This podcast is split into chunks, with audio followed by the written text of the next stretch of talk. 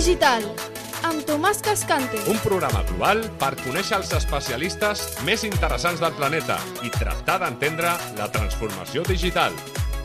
El món és digital. El món és digital, El món és digital. amb Tomàs Cascante. Hola, benvingudes, benvinguts un cop més a El món és digital, un programa que fem amb la col·laboració de PIMEC, la patronal de la petita i mitjana empresa i dels autònoms de Catalunya.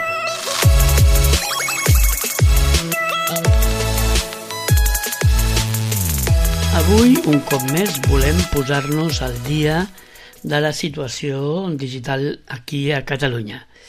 I per fer-ho tenim dos convidats. El primer serà en Sergi Marcén, secretari de Telecomunicacions i Societat Digital de, de la Generalitat de Catalunya, que ens parlarà de quina és la situació actual ara, a la tardor, de, de la societat digital catalana, com estem, a on estem i cap a on anem. El nostre segon convidat és l'Andreu Bru, responsable de tecnologia de PIMEC, que ens parlarà de la situació a data d'avui de la factura digital, sobretot tot el que fa referència a la factura digital de cara a la petita, mitjana i als autònoms. I ara ja sí, comencem el programa amb la intervenció del secretari Marcel. Secretari, bueno, abans de tot, benvingut al programa. Estem ja a la tardor i, i ens agradaria tenir un resum de l'estratègia i activitats de la secretaria, potser centrant en la Catalunya connectada, l'administració digital i una mica també l'estructura digital. Endavant. Molt bé, doncs mira, nosaltres estem treballant en tres línies de treball, no? Una que en diem el que són les infraestructures, l'altra el que és l'administració digital i l'altra el que és l'estructura digital. Aleshores, dintre de les infraestructures digitals, doncs, mira, acabem d'anunciar que hem arribat ja als 5.000 quilòmetres de fibra òptica. De fet, els hem superat ja. I esperem que a final d'any doncs, aquests eh, quilòmetres arribin als 7.000 i puguem dir que arribem a quasi al 95-98% de la població eh, amb accés a internet, no? gràcies a aquest desplegament d'infraestructures de, de la Generalitat de Catalunya. Cal destacar, per exemple, que la Generalitat de Catalunya és l'única comunitat eh, Espanya, com inclús a, a nivell europeu, que té, disposa d'aquesta infraestructura de telecomunicacions. Ja no només són la fibra òptica, sinó també les diferents torres, més de 400 torres de telecomunicacions que tenim per repartides per tot el país. No? I són serveis que, que en principi estan pensats per donar servei a la Generalitat de Catalunya, els serveis propis, però el que fem és que amb l'excedent de, de fibra òptica que estem muntant, ho posem a disposició del mercat. I el mercat, doncs, per exemple, eh, pot aprofitar-se de poder-se connectar a aquesta fibra òptica. I no només el mercat, o sigui, el que és que les operadores es puguin connectar i a partir d'aquí puguin donar servei. I això què permet? Doncs mira, permet, per exemple, que la Diputació de Barcelona el 80% de les seves seus estiguin connectades amb fibra de la Generalitat de Catalunya. Per tant, eh, és, una, és una infraestructura de país super necessària, super necessària i super important que ens permet justament eh, lluitar contra l'escletxa digital. Però ja no només això, lluitar contra l'escletxa digital. El fet de disposar d'unes infraestructures pròpies de govern amb un preu públic, el que fa és regular d'una manera indirecta el mercat de, de la fibra òptica a casa nostra. I no ens passa el mateix que ens pot passar amb el gas o l'electricitat, on les infraestructures i els serveis estan capitalitzats per empreses privades i, per tant, poden posar preus quan volen i al final és el ciutadà el que acaba patint aquestes pujades de preu en funció de com aquests interessos particulars posin, doncs es posen a sobre, a sobre la taula. No? En aquest cas, nosaltres, amb la infraestructura de fibra òptica, el que fem és tindre un preu regulat i aleshores és molt difícil que els serveis que van per sobre la infraestructura es disparin de preu, perquè generem competència real. Per això tan, és tan important aquest desplegament de fibra òptica i per això és tan important l'esforç que estem fent aquest any per desplegar més fibra òptica que mai. De fet, desplegarem la mateixa fibra òptica aquest any que la que s'ha desplegat en els últims 10 anys a la Generalitat de Catalunya. Per tant, és un esforç molt, molt, molt important. Per un altre costat, no només parlem d'infraestructura, sinó que parlem de com l'administració es, redirigeix al ciutadà, no? Com, com, en, com, ens, com ens relacionem amb aquest ciutadà. I això, la primera manera que hem de fer-ho és entenent què vol el ciutadà. Per tant, eh, capgirem la relació entre l'administració pública i el ciutadà, a on escoltem de quina manera el ciutadà relaciona amb nosaltres i a partir d'aquí nosaltres creem serveis perquè siguin més digitals, proactius i personalitzats. Però sobretot que siguin omnicanal. Nosaltres som els digitals, però no tothom és digital al nostre país. Per tant, quan es relacionen amb l'administració, la, amb l'administració té que tindre la capacitat de poder atendre els ciutadans amb els diferents canals que puguin accedir a nosaltres. Bé sigui per telèfon, bé sigui per digital o bé sigui presencial. I és aquí on, per exemple, estem reforçant les oficines d'atenció ciutadana, on hem reforçat el 012 aquest any, que, per exemple, l'hem fet gratuït, fins ara no ho era, i, per tant, eh, estem molt focalitzats a, mm, doncs això, facilitar molt la vida al ciutadà, especialment amb una comunicació molt clara. Sigui, cada un de nosaltres, quan hem rebut una comunicació de, de qualsevol administració pública, el primer que fas és tirar-te les mans al cap perquè no entens ben bé què diu aquella carta no? o què diu aquell comunicat. Doncs el que nosaltres estem fent, gràcies a, a aquesta feina des de la Direcció General d'Administració Digital i Experiència Ciutadana, és justament fer comunicacions clares, entendibles, que la gent, les persones, quan rebem aquestes notificacions, entenguem que estem rebent i què ens està demanant o què, o què hem de fer amb l'administració. Per últim, el que nosaltres anomenem estructura digital, no? O sigui, fer uns entorns més eficients, àgils, segurs i innovadors dintre de l'administració. O sigui, facilitar que l'administració també canvi. O sigui, no és aquella relació entre el ciutadà i l'administració, sinó dintre de l'administració, administració-administració. Facilitar, per exemple, la, la gestió de les dades. Amb les dades tenim un problema, que és que eh, diferents administracions tenen diferents dades i moltes vegades no es comparteixen aquesta informació o és molt difícil de compartir. Per tant, aquí hi ha un debat de fons que hem de començar a parlar, és qui és el propietari de la dada. Som nosaltres com a Generalitat de Catalunya? És l'Ajuntament X com a Ajuntament? És l'Estat espanyol? És la Unió Europea? O és el ciutadà? Si és el ciutadà, és el ciutadà que ens ha de permetre a nosaltres eh, interpretar o voler interpretar quines dades vol donar fer públiques. No? Aleshores, a partir d'aquí, si això, aquesta dada és del ciutadà, les administracions ens tenim que posar d'acord per poder-li donar aquesta informació al ciutadà, perquè al final és d'ell, és de, del ciutadà. I això el que farà és que siguem una administració més eficient i al mateix temps proactiva, aquella administració que tothom desitgem, no? que no tinguem que nosaltres demanar mm, doncs, si tenim dret a una ajuda o tenim dret a qualsevol cosa, sinó que sigui l'administració que et digui, escolta'm, és que tens dret a això i com tenim la teva informació, automàticament ja t'ho donem. No? Per tant, busquem una administració eficaç i, i, i sobretot, eh, molt, molt, molt relacionada amb les necessitats del ciutadà. I també mm, una administració, com et dic, que compti amb el món local. I és el que estem fent. Nosaltres, per exemple, es pot dir ja que a finals d'aquest any estarem donant servei al 100% dels, eh, dels ajuntaments de Catalunya, serveis digitals, a la qual doncs, eh, això ens permetrà eh, doncs això, que, que aquests ajuntaments tinguin la capacitat de poder donar serveis com, per exemple, a l'ITCAT mòbil, que és el servei d'identificació del ciutadà. No? Per tant, són, tenim molts fronts oberts, estem treballant molt intensament. Jo crec que estem forçant moltíssim la màquina aquest últim any, estem fent moltíssima feina, estem canviant moltes coses, hem fet que els serveis de la Generalitat de Catalunya, de la Catalunya estiguin estabilitzats i estem molt contents de, de la progressió que estem seguint dels objectius que estem assolint i sobretot de la professionalitat de tots els professionals que treballen dintre de l'administració en l'àmbit digital. Bé, Sergi, eh, un magnífic eh, resum, no com a resum, sinó com a dades, unes magnífiques dades, crec que, que és eh, molt positiu. I aprofito per convidar-te a, a fer un resum de l'any, de tot l'any, el proper desembre, a l'última edició de Tertúlia 21 d'aquest any. Molt bé, jo estaré encantat i espero ja donar-te dades concretes també de tot el que hem fet, no? que, que com et dic, aquest any està sent un any molt intens, que ens hi hem posat de debò i que, i que es veuran els resultats a molt curt de tota la feina que estem fent. D'acord, aquesta, aquesta sessió que et dic del desembre no serà com aquesta online, sinó que és presencial, amb la qual tindràs davant tot un públic amb moltes ganes de, de fer-te preguntes.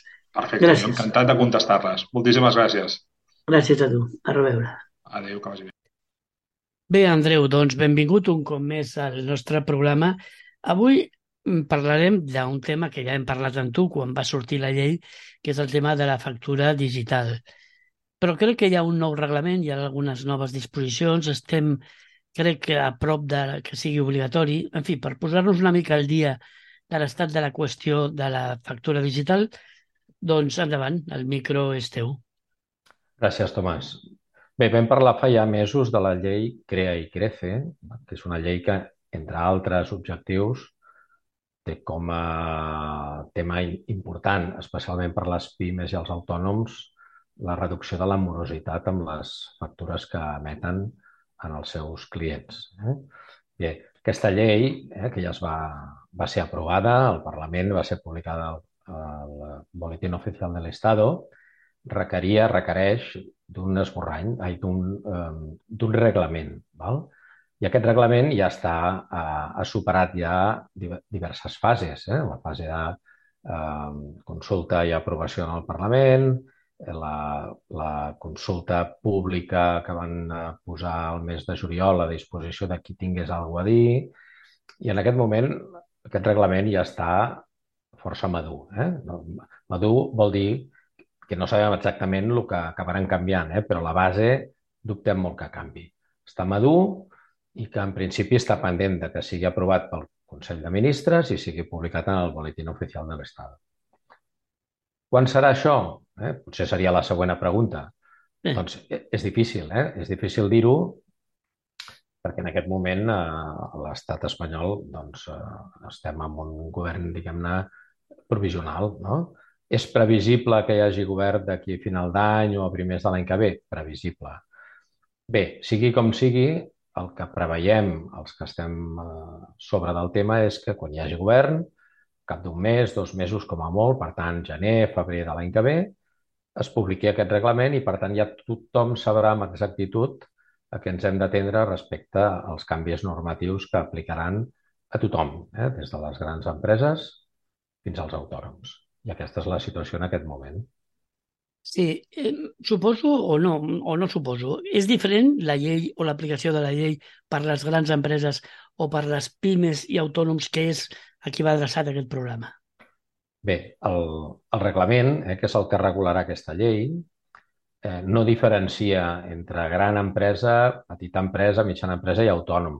El que sí que determina uns terminis d'aplicació. En tot cas per la tranquil·litat dels més petits, especialment dels autònoms i de les microempreses, han de saber que aquest, eh, aquest reglament es començarà a ser efectiu, es començarà a aplicar al cap d'un any que es publiqui en el Boletín Oficial de l'Estat. Per tant, si això, en un escenari en què s'aprovi el gener del 24, doncs les, les empreses que facturen més de 8 milions d'euros estaran ja obligades tant a enviar com en rebre eh, format electrònic de factura. La, la resta, eh, des de les eh, mitjanes cap avall fins als autònoms, hi ha un termini de dos anys. Eh? Per tant, fins al gener del 26, gener-febrer del 26, eh, no tindran aquesta obligació d'enviar i rebre factures en format electrònic. Però bé, sembla molt, i és molt, eh? en, en informàtica dos anys és eh, una barbaritat, eh? Però perquè qui pugui estar escoltant aquest programa i es senti bé, si fa factures, eh, perquè tothom que faci factures estarà, estarà sotmès en aquest reglament, doncs que tingui aquesta, si més no, tranquil·litat o aquesta informació de que si està per sota de 8 milions, fins d'aquí dos anys no tindrà aquesta obligació. Sí, eh, a veure, continuo amb la PIME.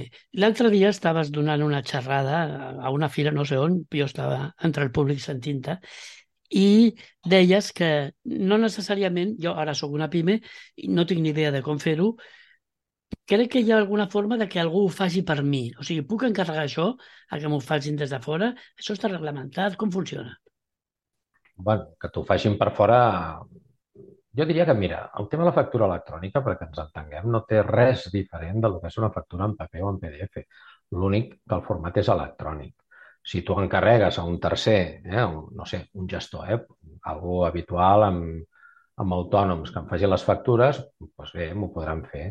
Potser si et refereixes a si ho podré fer a través d'alguna plataforma, algun servei, Sí, clar, exacte. eh, en- entenc per què m'ho preguntaves. Doncs, si, eh, en aquest reglament, el, el govern, eh, el govern ha previst posar a disposició de les de, de la part, diguem-ne, més petita de l'empresariat, eh, autònoms, microempreses, aquelles que en fan poques, no?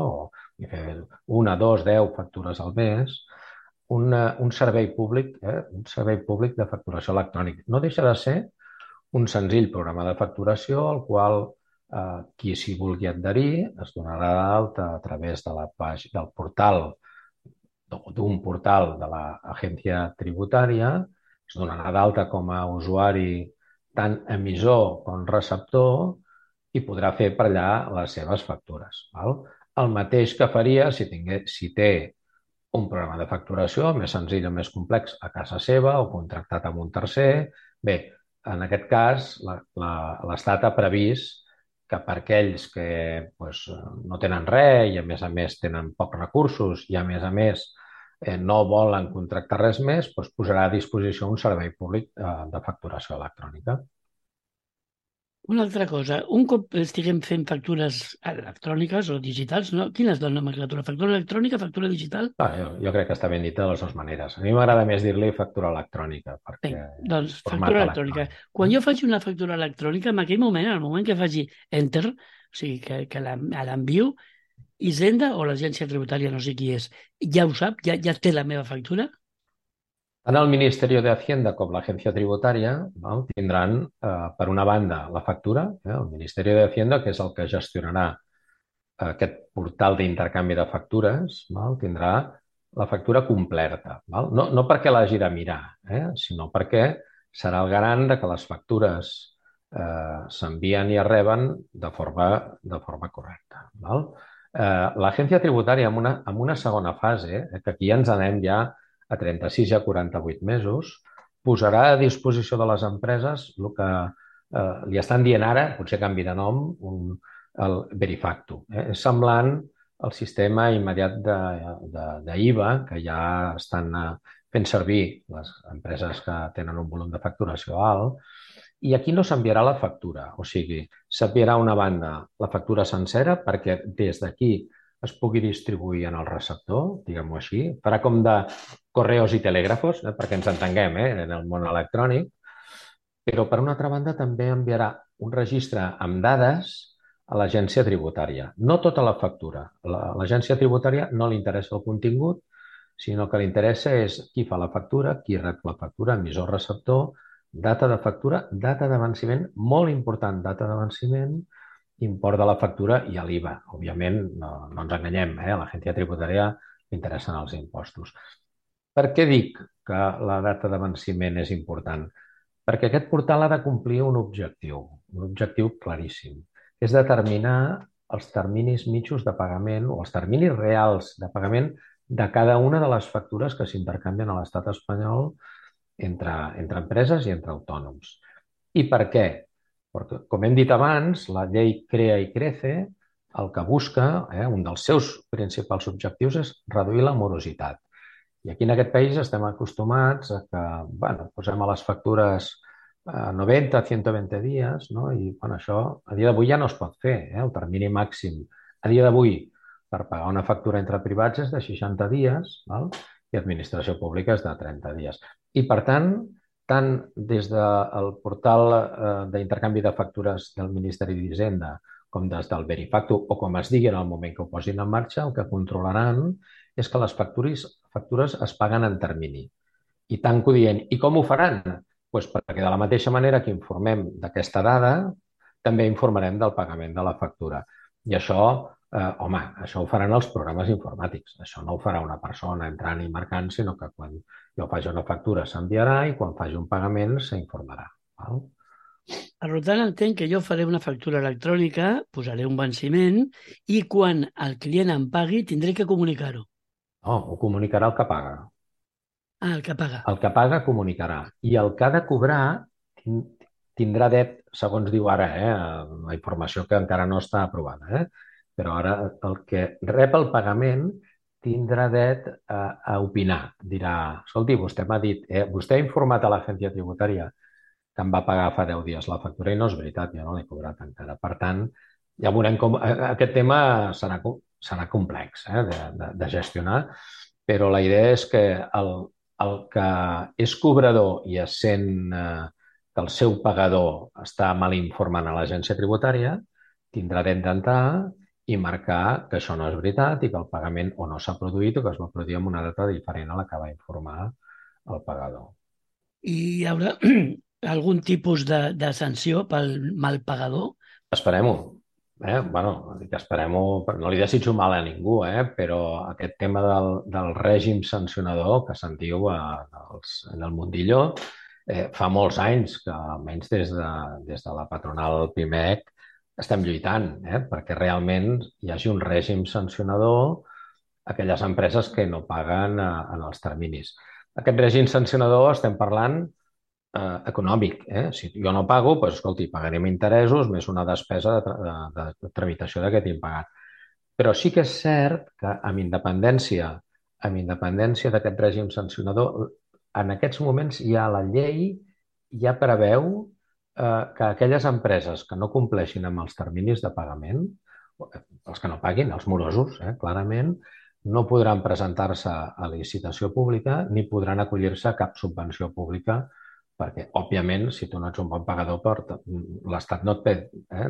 les administracions no et tenen per què subvencionar la teva empresa. Sí, el que passa que, bueno, això està molt bé, però a mi continua sense pagar-me. No, però has dit que possiblement hi hagi també un règim sancionador més, més impositiu, o sigui, que obligui. Aquest és un objectiu que, que fa anys que s'està parlant, que, que no està reflectit en, ni en la llei ni en el reglament, però que des de les organitzacions empresarials de petites i mitjanes empreses, especialment des de PIMEC i des de la plataforma multisectorial de la morositat, que agrupa diferents eh, patronals de l'estat espanyol, és un objectiu que tenim al cap i que vam, no, no pararem fins que això sigui així. I no anem pels petits, eh?